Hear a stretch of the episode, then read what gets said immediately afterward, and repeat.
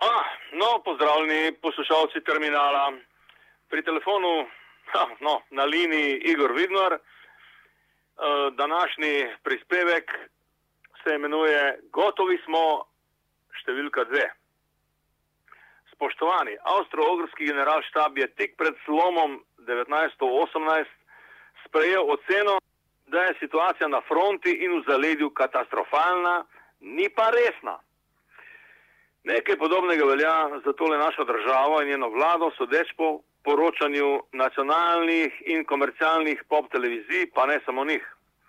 Recimo, Ljubljanska urgenca, kot vemo, rabi urgentno intervencijo že nekaj časa, premjerka pa po zgledu političnega renesančnega človeka in Thousand Kinslerja Kahla Jahjavca ležerno prevzame še zdravstveni resor in gre po prvo pomoč, ampak seveda ne za ljubljansko urgenco, ampak za svoj ležerno usodni spopad z županom Jankovičem, kar k ultraliberalnemu britanskemu kolegu, premjerju Cameronu, ki je, kot je znano v svoji kratki vladavini, zrezal javno porabo bolj kot Maggie Thatcher, kot ugotavljajo sami Britanci, no seveda pa tarna da grozi razpad družbe in te stvari.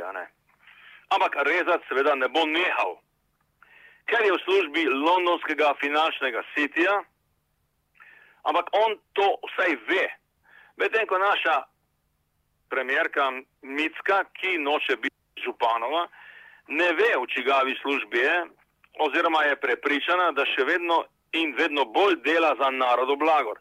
Tudi če v več kot letu dni ni uspela, oziroma njena vlada ni uspela, ampak ona je seveda šefica vlade, ne, rešiti relativno enostavnih problemov, kot je centralno javno naročanje v zdravstvu, pa nasploh kraje javnega denarja pred, prek javnih naročil, pa e, prepisovanja kriminalno pridobljenega premoženja družinske člane, kar sproti izničuje vsak smisel in pomen pravne države oziroma kazanskega pregona tajkunov in vseh drugih gospodarskih nepripravov.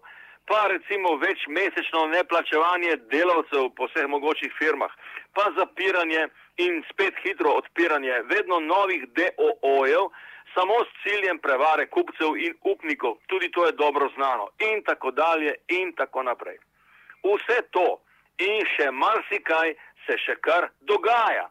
Medtem ko gospa Micka hodi po svetu na fotoseanse s svetovnimi državniki in posebej k evropskim desničarjem, Merklovi Cameronu po podporo, očitno za svoj usodni ne županu in njegovim zlim nakanam, ki so res menda zle, vsaj po merilih gospe Micke in cele vrste prisklednikov vlade, političnih in tudi seveda čisto koritniških, vključno z deli javne uprave, saj hoče, da bi njegova stranka, namreč župan, ne, tudi pod začasnim regentstvom gospe Mitske izpolnjevala svoj program in svoje obljube voljivcem.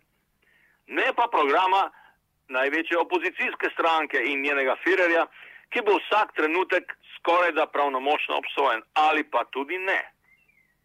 Ampak tudi ta županova pravična jeza se bo kaj lahko pokazala kot farsa. Če se bodo uresničila pop-TV-ovska natolcevanja, pa ne le njihova, o joj, dogovarjanju župana in samega firarja opozicije. Ta dogovarjanja se seveda, seveda zdijo normalnim državljanom ideološko nemogoča, a očitno niso iztrte izvita. Kaj ti oba sta, kot vemo, potencijalna soseda v zaporih njenega veličanstva Republike Slovenije in imata torej kar nekaj resnih, sicer popolnoma neideoloških, ampak vsekakor skupnih interesov za preventivno preprečevanje tovrstnih dobrososedskih stikov. V tem duhu naj bi celo prišlo do telefonskega pogovora med njima prav nedavno, o katerem je župan menda poročal takole. A veste, klical me je Janez. Ja, krasno, ne? Ja, podpisani je sicer preživel nekaj malega časa v blažji obliki kazansko-popravnih ustanov njenega veličanstva Republike Slovenije, vendar pač takrat ni opazil, da bi se varovanci klicali po imenih. Ne. Ampak, ja, no, recimo, dob je seveda nekaj drugega. Kljub novo zgrajenim kapacitetam hotelskega tipa, za katere sploh ni nerazumno zahtevati od gostov plačila, vsaj tistih premožnih. Tu dajemo ministru plačaniču kar prav. In ko smo že pri tem, ne, pri pač plačevanju za neke domnevno javne storitve, ne, podpisani se je imel dober namen na udeležiti študentskega protesta proti zakonu o visokem šolstvu. Potem pa se je vprašal, ali so v njegovih časih, se pravi globoko v tako imenovanem komunizmu, vsi, ampak prav vsi lahko dobili štipendije za študij na univerzi. Ne, oprostite, otroci premožnih staršev jih niso mogli dobiti. Bil je nek cenzus, ni bil zelo visok, ampak je bil. Oprostite, ampak zakaj bi danes v tem grdem in hudem kapitalizmu v krizi, kjer so razredne razlike, da ne rečem socialne, kar je čisti eufemizem, ne, še ne primerno večje, otroci bogatih staršev študirali za ston in tako dalje in tako naprej. In se potem seveda protesta nisem udeležil, tako kot očitno tudi večina, velika večina, velikanska večina študentov in dijakov se ga ni. Kar seveda ne pomeni, da protest ni bil vsaj deloma upravičen, ampak podpisanega je pač le malo preveč spominjal na tisto neko refleksno, pogojno refleksno protestništvo in rekel bi levičarjenje, ki je tako simptomatično za nemoč in tudi neprecizne analize in družbeno zavest, pa tudi nove levice. Ampak protestirati je seveda treba, absolutno, in bi bilo treba, ampak se ne dogaja, sploh pa ne množično.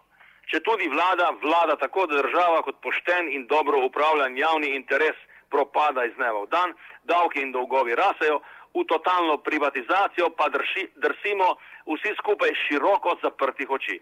Skratka, dogaja, če se vrnem na začetek, dogaja se nekakšna mirnodobna inačica Rasula 1918 v srednji Evropi, Avstro-Ogrski in na to še 1929-32, tik pred prihodom rešitelja. Kaj ti ta prihod bo očitno prišel? V eni osebi ali pa kako izvirno slovensko, celo v dveh povezanih na vides nasprotujočih si osebah, ki pa bosta, kot natovcuje Pop TV, našli za fasado ali pa naj bi našli za fasado nekoga tretjega, ki bo za javnost in za Pop TV bolj sprejemljiv ne, kot predsednik vlade, ampak kaj bo od zadaj, pa vemo, ne, ne bojo več strici, bosta pa dva strica. Ne. In potem bo vesolna Slovenija imela, kar očitno hoče in k čemer nezavedno tudi stremi. Lahko noč in srečno.